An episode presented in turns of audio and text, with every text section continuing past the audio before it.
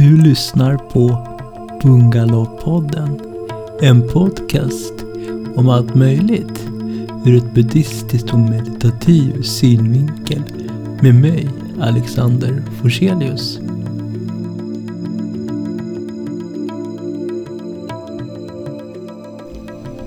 I det första avsnittet ska jag diskutera ekonomi ur ett buddhistisk synvinkel, ekonomisk meditation. Vad är det? Det får ni reda på i det här avsnittet som är världens första av Bungalowpodden. Pengar. Det är som blodet i människokroppen. Något nödvändigt för att den ska fungera. Samhällsinstitutionerna är de olika organen. Högskolan, forskningen, högstadium, grundskola, yrkeshögskola och allt annat. Det är ju hjärnan i den här, i den här kroppen. Sen har vi ju hjärtat. Och det är ju bankerna. Och blodkärlen, de olika finansiella instituten som gör att man kan, att ekonomin kan gå ihop. Skapa krediter så människor kan överleva. Syret, det är ju egentligen valutan som flyter. Utan syre är du död. Och vad kan man då, hur kan man då tänka sig den ekonomiska krisen är för någonting? Man kan se ekonomin eller behovet av rörelser i ekonomin. Ungefär som träningen. Att transaktionerna som behövs för att samhällsekonomin ska gå runt är lika viktig att hålla för att samhället ska fungera. Som att jag måste stretcha på och träna och anstränga mig på gymmet, på crosstrainen.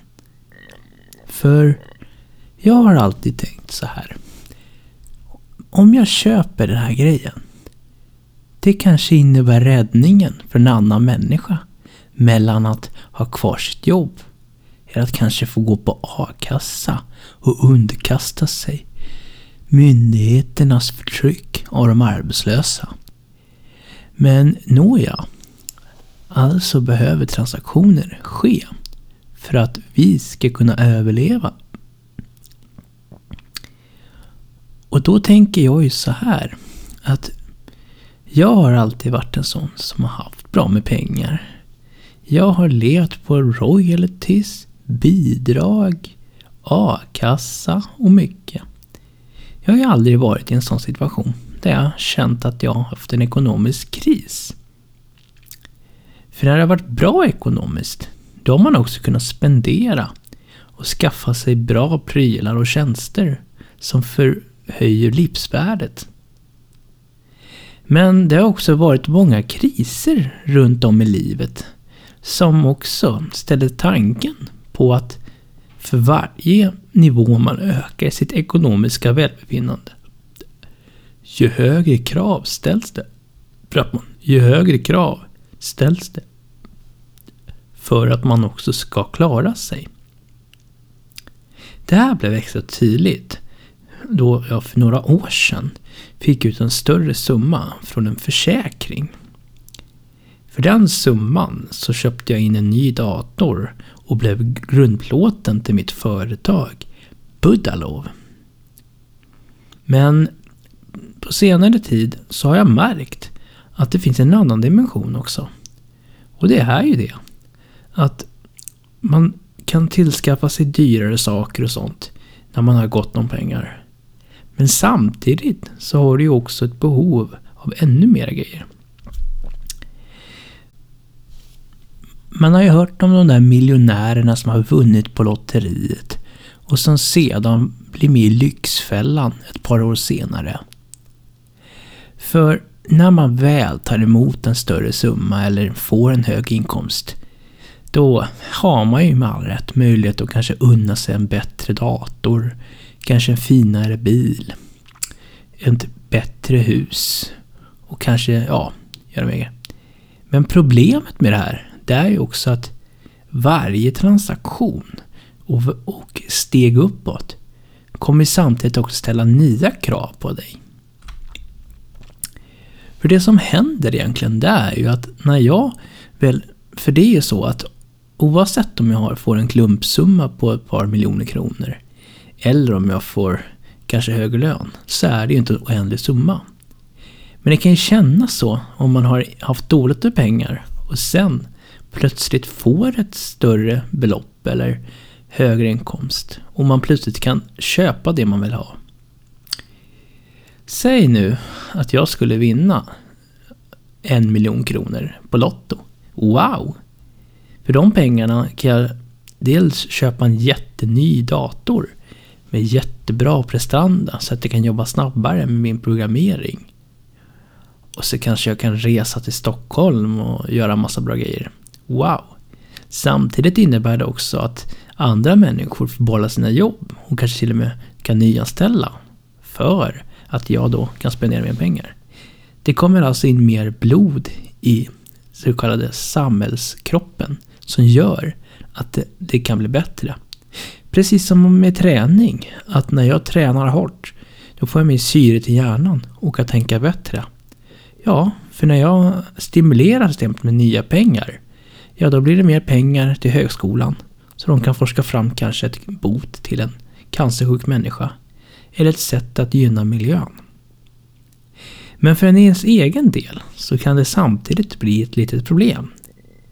Därför att du samtidigt som du ökar din ekonomiska ansträngning och din välstånd så ställer också nya krav på dig. Det kan ju tyckas att om jag vinner en miljon kronor då kan jag tycka att den här nya datorn är väl inga stora kostnader på 25 000. För det är ju en rena lyxkostnaden. Den har världens internminne. Jag kan jobba mycket snabbare med den och göra nya grejer. Men sen händer det lite grejer. För när man har köpt datorn och tycker ändå att man fortfarande har ett par 800 000 kronor kvar. Liksom. Eller 500 000 kronor kvar när man har köpt det som man behöver. Då är det ju det att det kommer ju alltid nya situationer som uppstår. För när man köpt den här dyra datorn med all kapacitet, då måste man också ha ett program som kan utnyttja kapaciteten. Och det kostar 5000 till. Och när jag ska föra över filerna från den gamla sega datorn, då pajar hårddisken. Och jag måste köpa ett annat program för att rädda filerna som jag jobbat på i alla år. Så kostar det 2000 kronor till. Och sen när jag liksom har kommit in i det nya, ja då behöver jag också köpa andra grejer för att kunna nå ut med det jag gjort. Det blir alltså en kedja av kostnader. Jag behöver också skaffa en försäkring till den här datorn. Och så går det på några hundra. För ju högre nivå man klättrar och ju dyrare grejer man köper, som kan tyckas vara en engångskostnad, så blir det också att du måste handla dyrare sen. För, det, för ju mer du, för dyrare grejer du köper, ju dyrare omkostnader blir det också. Sen är det ju så att dagens produkter är ju designade för att krascha efter några år. Det ser ut som att datorn men efter fem år är den där datorn som kostar 25 000 värd kanske bara 3 000 kronor. Det är bittra sanningen. För problemet är det att när man kommer upp i det här välståndet, då är det svårt att klättra ner sen. För det blir en slags skuld till dig själv. Du måste ersätta det sen när den går sönder. Visst, man kan ju vara... Om man har 700 000 kvar så kan det vara skönt att spara, vilket man behöver göra. Men det är ju också så att det lockar också till oförsiktighet. Därför att man, det gör ingenting om jag tappar bort 5000 till, för jag har ju ändå så mycket pengar kvar. Så jag hoppar på det där riskfyllda projektet och bygger någonting och så blir jag av med något annat istället. Och så hamnar jag i trubbel där. Och då måste jag leva på de här pengarna som jag har. Så försvinner pengarna snabbt. Sen går inte grejer efter planer och det händer något annat. För det blir en slags fartblindhet ekonomiskt. Och det är precis sådana fall jag ser i Lyxfällan. Att många av de här som är med i programmen, de tjänar ju väldigt bra. Eller kanske har fått ut en större ersättning ifrån ett arv eller en trissvinst eller, ett, eller kanske ett försäkringsbelopp som har fallit ut efter att de har varit med i en olycka eller dödsfall eller någonting och bränner det sen. För det är ju lite det här med yin och yang. Att det är ju lite det att, att den här liksom ekonomiska kroppen måste ju stimuleras för att överleva. Vi måste ju röra på oss, för att säga. Vi måste göra vissa transaktioner för att vi ska överleva. Vi måste handla mat för att vi ska kunna känna oss mätta. Men också för att butiken på korten också ska överleva. Vi måste ju handla kläder. Det är också en sån här övergrej. Så klädaffärerna också överlever. Men samtidigt att jag själv också har någonting att kyla mig med när det är kallt ute. Men sen har vi det här också. Varför är vi ett samhälle vi ska konsumera? För det jag vill prata om här nu, som jag har tänkt på efter alla år av att ha provat på att leva i rikemansfällan, det är ju också vad är det egentligen som egentligen är bäst känsla? Därför att jag upplevt att det är ju det, att det är ju ändå det att ju mer pengar man har, det blir alltid dyrare i slutändan. Om man inte sparar alltihop. Och det är bra om man kan göra det. Men det jag tänker också, det är ju det att det är ju som de skrev i en artikel här. Att, att ju mer man tjänar, ju finare grejer man köper, finare hus. Det betyder också att man behöver köpa dyrare försäkringar. För det är ju så att ju mer grejer man gör, ju mer pengar kostar det också. För, för har man råd att köpa en dyr bil, då måste man också ha en dyr försäkring till den. Det är ju så. Och det är också högre självrisk. Så att allt har ju liksom så att säga, sina kostnader. Precis som att du tränar hårt, du måste träna. Men överträning, det bryter ner kroppen och gör att du blir sjuk.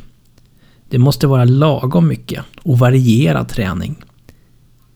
Och det är lite så jag ser med samhället. Att den ekonomiska krisen är lite som en diabetes. Att det blir för mycket socker och då kan inte insulinet, produktionen fungera om den ska. För att sockret är lite som krediterna och insulinet är det som ska förse det här.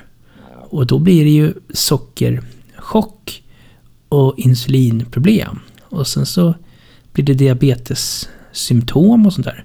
Och det kan man då tänka sig då att när det blir ekonomisk kris i ett land, att de här, som jag också skrev i en bok då, med den här metaforen med, med eh, människokroppen, att då blir det ju en kropp som känns helt...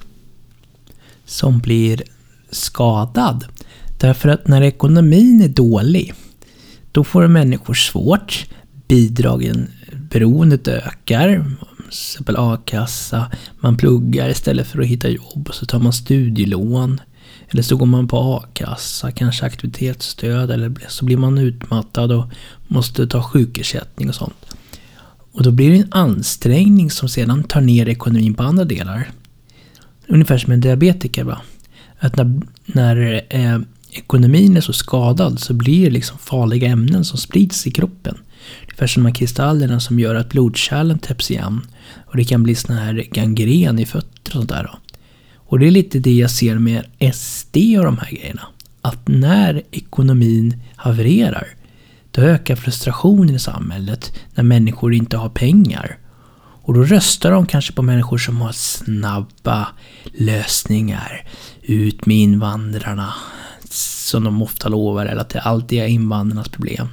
Det är problemet med för många muslimer och inte att vi faktiskt har ett ekonomiskt system som är ganska dåligt. Och då får vi såna här ledare som Donald Trump. Och med hjälp av datatekniken sprids de här budskapen hur snabbt som helst och odlas på nätet.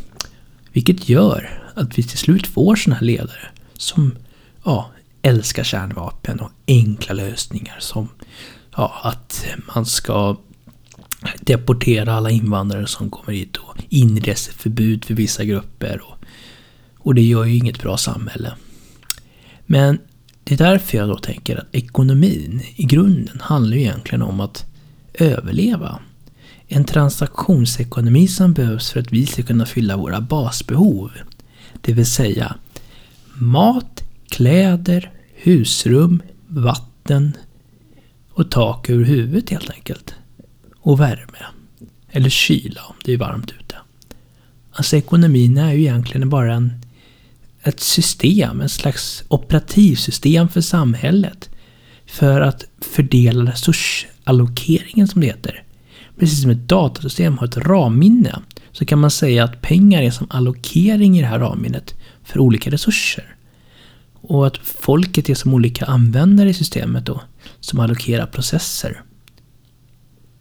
Och då tänker jag ju så här, att ekonomin egentligen, att, det, att allt ekonomi som egentligen inte tillfredsställer grundläggande behov, så som jag har räknat upp nu, det vill säga husrum och mat och, och, och allt det här som man behöver för att, så att säga existera.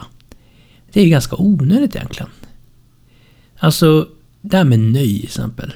Vi slänger pengar på Netflix och Spotify och sånt där.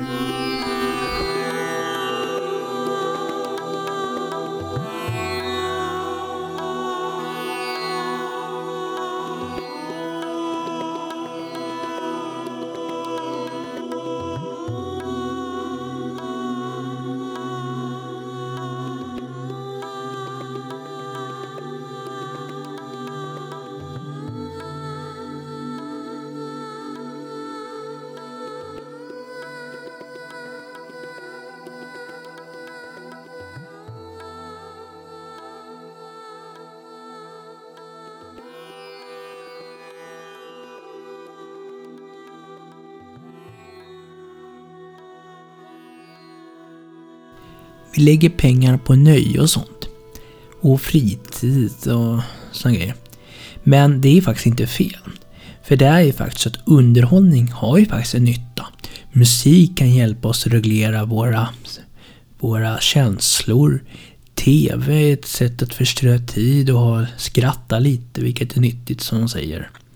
Så underhållning borde också ha en viss del i budgeten även för att existera, på ett sätt. Men sen har vi den onödiga lyxen som jag tycker är helt värdelös egentligen. Som de som spenderar pengar, rika människor, på klockor och diamanter och all sån här liksom lyxkonsumtion. Vad spelar det egentligen för roll? Varför ska jag ha en...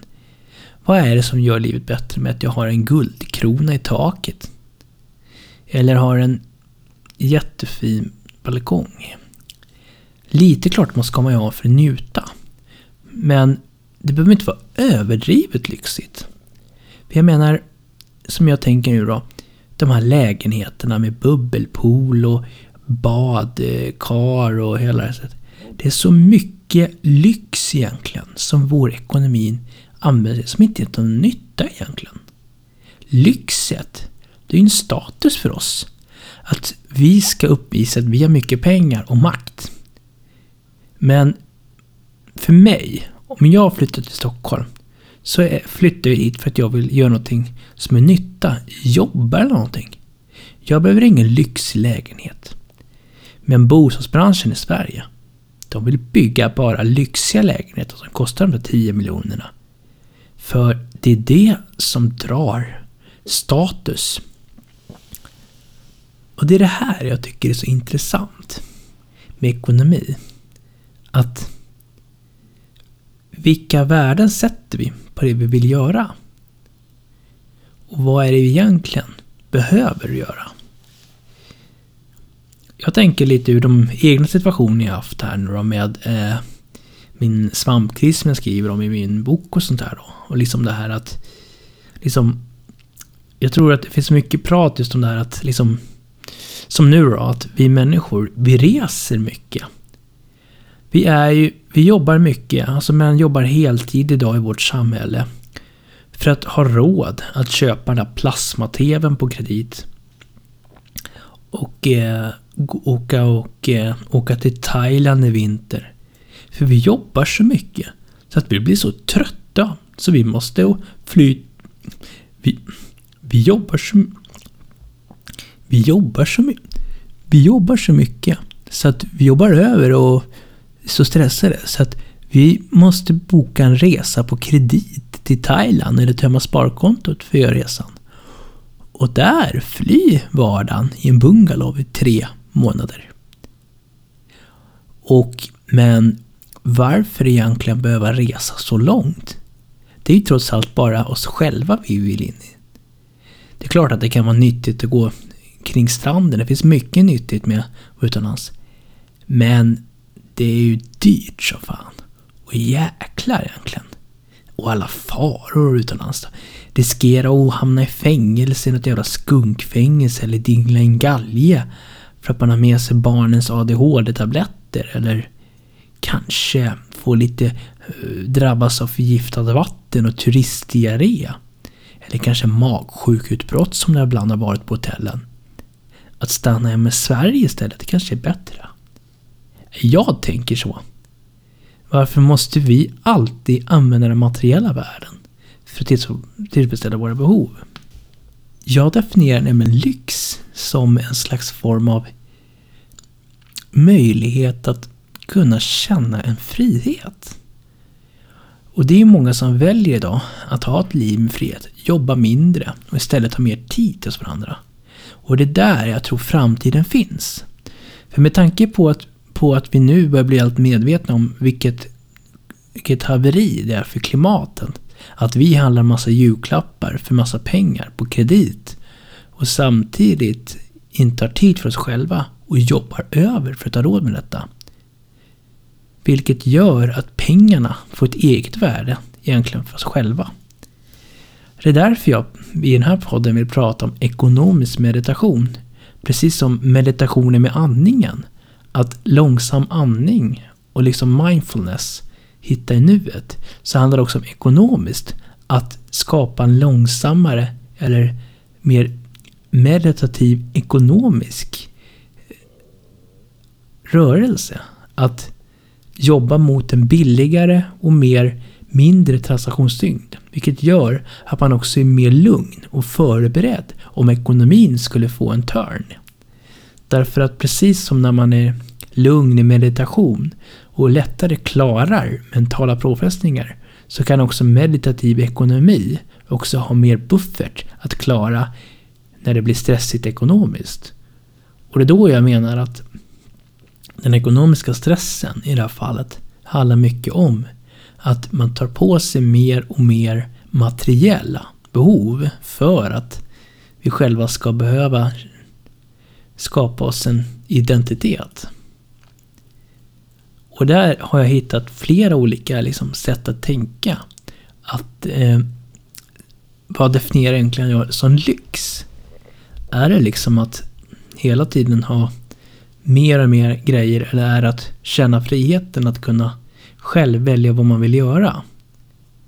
För jag är ju en sån som känner att jag klarar av att göra grejer som jag får göra själv om dagarna i, i min fart. Men det kan också innebära att man tjänar mindre pengar. Men samtidigt också innebär att man mår bättre och mindre stress. Men det kanske innebär också att man inte har råd att bo i den dyraste bostadsrätten i centrala Stockholm. Och det är en fråga jag tänkt på när jag också drömmer mycket om att flytta till en annan stad. Att visst, om man flyttar till större städer som Göteborg och Stockholm, då finns det mer att göra. Man kan skaffa sig karriär, många vänner och så här. Men du ska ju klara det också. För även om det är mycket mer framgång i en storstad så är det samtidigt också mycket mer krav ekonomiskt. Jag måste klara allting, jag måste ta in de stora projekten och leverera mycket mer. Och pajar det, ja då blir det svårt. För våra a-kast och sånt, de täcker ju ingenting av det kostnader man har här. Och då tänker jag ju så här att i min värld har jag alltid definierat lyx som att jag kan resa mellan olika världar och frigöra de energier jag själv vill och de upplevelser jag önskar. För att mycket av lyx idag, för vanliga människor, är ju resor och upplevelser. Inte att ha finaste guldkronan hemma. Och då har jag ju tänkt efter det här med svampkrisen som jag har haft. Där jag inte kunde bada på grund av en nagelsvamp då, som min doktor sa, vilket gjorde mig orolig. Att man kan meditera sig till den känslan och få den känslan utan att behöva åka dit på riktigt. Och det är det jag är så jäkla... Tycker är så häftigt. Därför att jag känner att det är som en lyx. Att man kan via det spirituella få liksom den här lyxen icke-fysiskt istället för att bara resa dit fysiskt. som med meditation och affirmation. Att komma in i den här känslan av liksom, ja, bada och ha det här liksom bra. Fast man är hemma. Och då liksom slippa hela liksom kostnaden och alla ansträngningar för det. Och det är det jag kallar för lyx. Det blir en, liksom en helt eget lyxkonto. För jag tänker så här att mycket av det här med, med lyx, det handlar ju mycket om idag att du ska göra grejer. Du ska ha en karriär. Du ska Eh, jag hoppar fallskärm, du ska bestiga berg, åka skidor och så här. Och då tänker jag liksom att allt det här är ju egentligen bara impulser i våra hjärnor som vi betalar enorma pengar för. Jag liksom tänker så här att det är ändå så att man betalar kanske 5000 för att under tre minuter uppleva känslan av att hoppa fallskärm. Visst, det är extremt häftigt och roligt att dela. Men det är ju bara ändå, vad är det, tre minuter i livet som man betalar 5000 kronor för. Och då tänker jag så här att via djup liksom meditation och affirmation så kan man liksom få det här liksom häftiga pirret. När man liksom är med sin drömkropp i spacet. Och det kostar inte mig någonting. Men det finns inga bevis på det. Att jag gjort det. Och skulle jag skriva sånt som på Facebook, kanske folk skulle tro att jag går på kokain eller någonting. För det är ju så materiellt styrt i våra, liksom, vad heter det, våra normer. Att liksom det här med immateriella, liksom spirituella resor, det är bara blaj. Det är liksom, då håller man på med LSD liksom. Nästan så polisen och psyket kommer och hämtar en. För det är ju så att det jag tänker egentligen, det är ju liksom att att mycket av det här liksom känslorna är ju mer vad vi kan skapa själva. Och det är det jag tycker är så häftigt egentligen. Att jag tror att många av de här liksom impulsresorna till Thailand, då skulle man lätt kunna ersätta med lite mindfulness här hemma. Billigare, bättre och framförallt bättre för miljön också. Jag tror att ekonomi egentligen borde handla mer om de fundamentala transaktionerna. Det som vi absolut behöver för att ja, kunna existera och fortleva på den här planeten. Det vill säga mat, husrum, utbildning, arbete, rekreation, nöje. Men den här extrema lyxen egentligen, den är ju ganska onödig egentligen. För det spelar egentligen ingen roll om jag har en guldkrona i taket eller med en vanlig IKEA-lampa. Det gör egentligen ingenting för mig. Vad spelar det för roll om det är en guldlampa? Eller om det är en vanlig IKEA-krona? Den lyser ju ändå lika mycket för mig. Det är det jag menar. Det är så sjukt egentligen, för ekonomi handlar egentligen om... För jag vill prioritera att man känner en sån trygghet i, i sin tillvaro. Att man kan klara lånen om man blir arbetslös.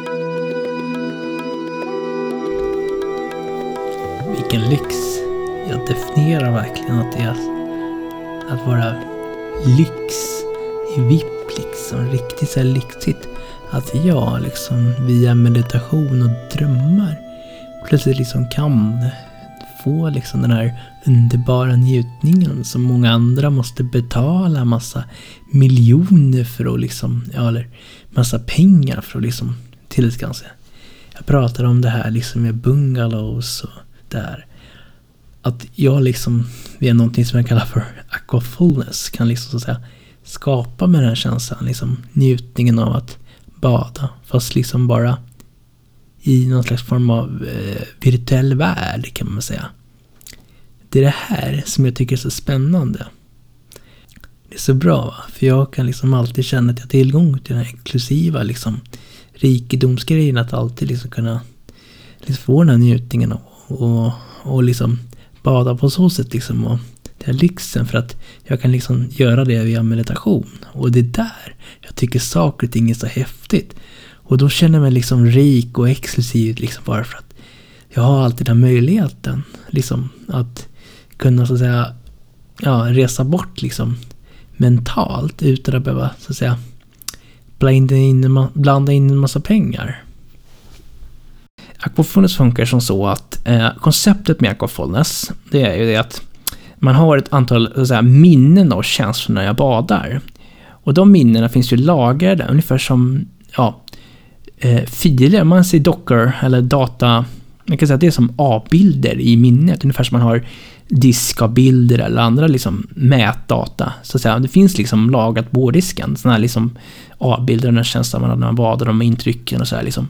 De A-bilderna finns ju liksom på hårddisken.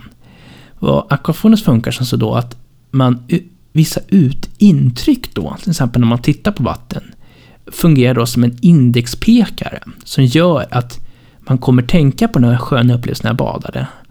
Och då kan man liksom lägga upp den på så kallade minnesstacken eller tankestacken högst upp.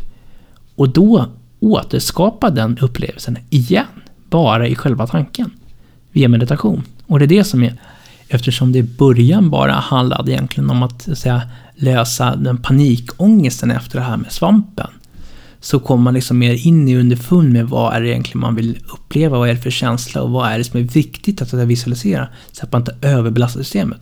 Och då var det här då att man kom på då att eh, att det finns liksom olika så att säga, stadier och då passar olika saker bäst på olika sätt, passar olika bra för att, så att säga, komma vidare här då. Och då var det just att, liksom att eh, man först måste komma in i en slags form av eh, minska stressen och sen när man kommer in liksom där så att man halvsover, då kan man liksom starta de här liksom visualisation, visualiseringarna och liksom så att säga på så sätt komma in i det narkotiska flowet och liksom då få den här känslan. Liksom. För det har väldigt just med hur avslappnad man är. Men för att bli avslappnad då, så måste man ha någonting annat då. Det är där problemet har varit också. Och då finns det en liten, finns det fler olika gener. Däribland sex, onani, men också att det kanske då är eh, ja, alltså, genvägar för att bli avslappnad då liksom. Eller det kanske, eh, ja. Och ett annat sak också, det är ju det som man kallar för utökningssåddning. Och det är det att man då kan använda extern stimuli för att då eh, så att säga, snabba upp processen och, snabbare komma åt de här minnena, ladda in de här minnena i, i ramminnet kan man säga. För det är lite som att man ska ladda in de här så A-bilderna i, i det här ramminnet då för att sen kunna säga, ja, få ut det liksom i, i flowet. Och det är lite ungefär som att man har ett musikprogram. För att kunna så att säga, spela pianoljuden i den här kompositionen så måste man också ladda in alla de här ljudfilerna på alla pianotangenter i minnet. Så att den liksom kan börja sampla det. För det är en slags sampling, liksom. man samplar gamla minnen åt om igen för att liksom få samma upplevelse. Och för att kunna göra det så måste liksom minnet finnas utrymme i minnet på datorn och det får inte vara massa andra program som tar energi för att klara inte liksom den samplingen då. Och liksom generera den. Och då blir det ofta liksom att det blir istället konflikter inom en.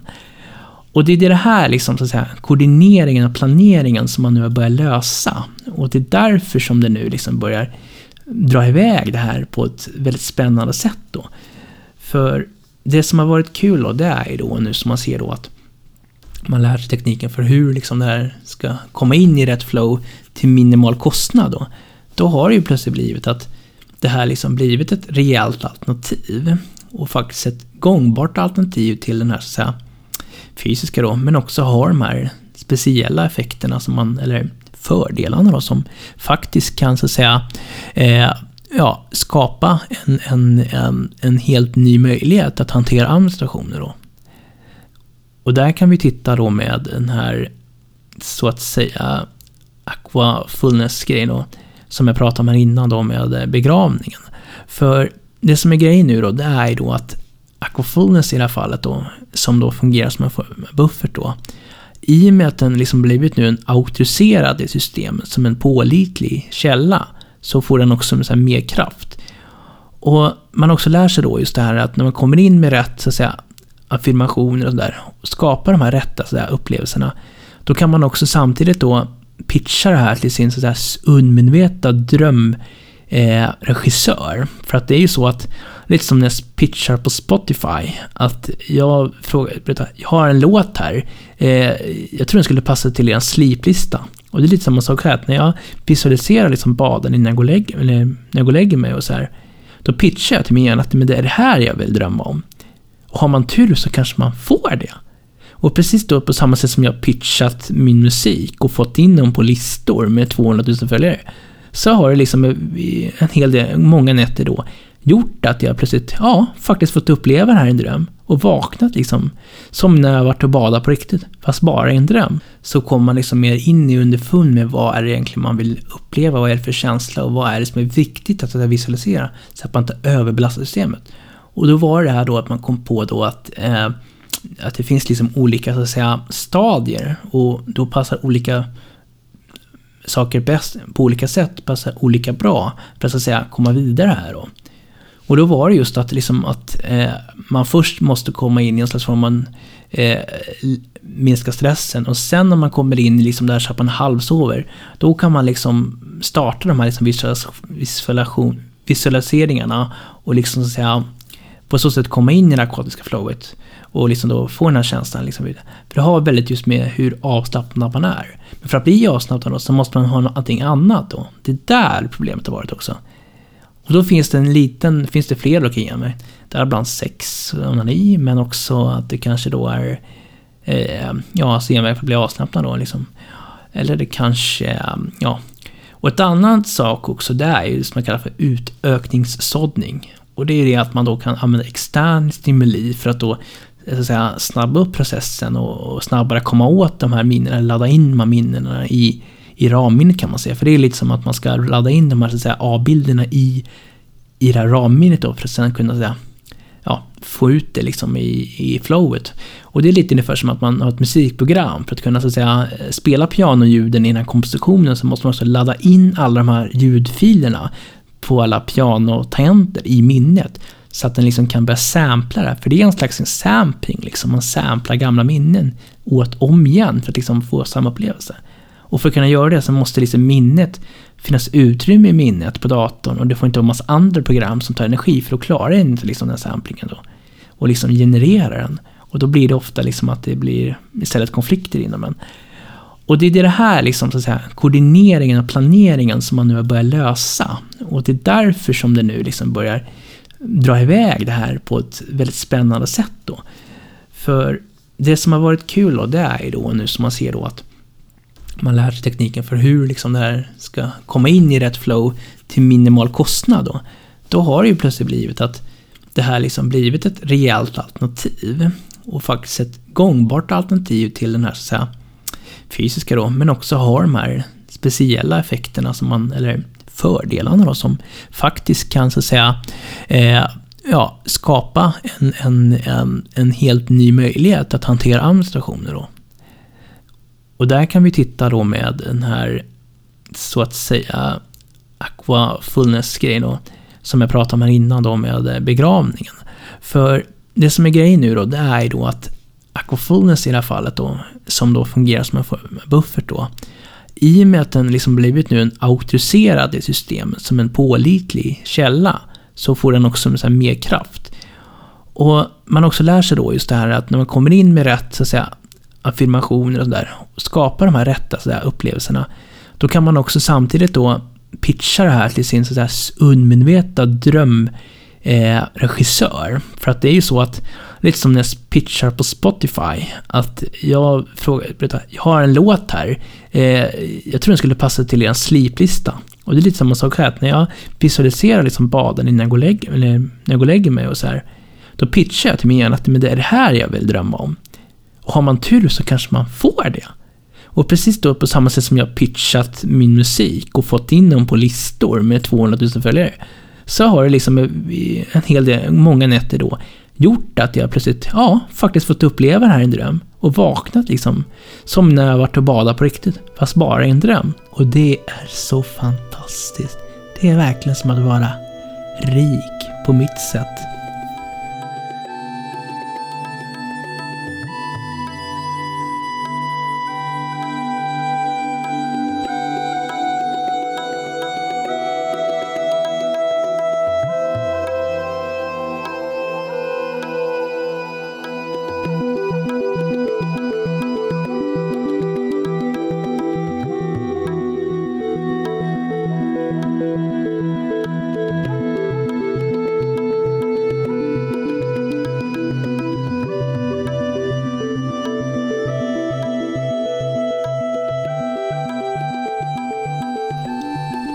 Detta var det absolut första avsnittet av Bungalowpodden.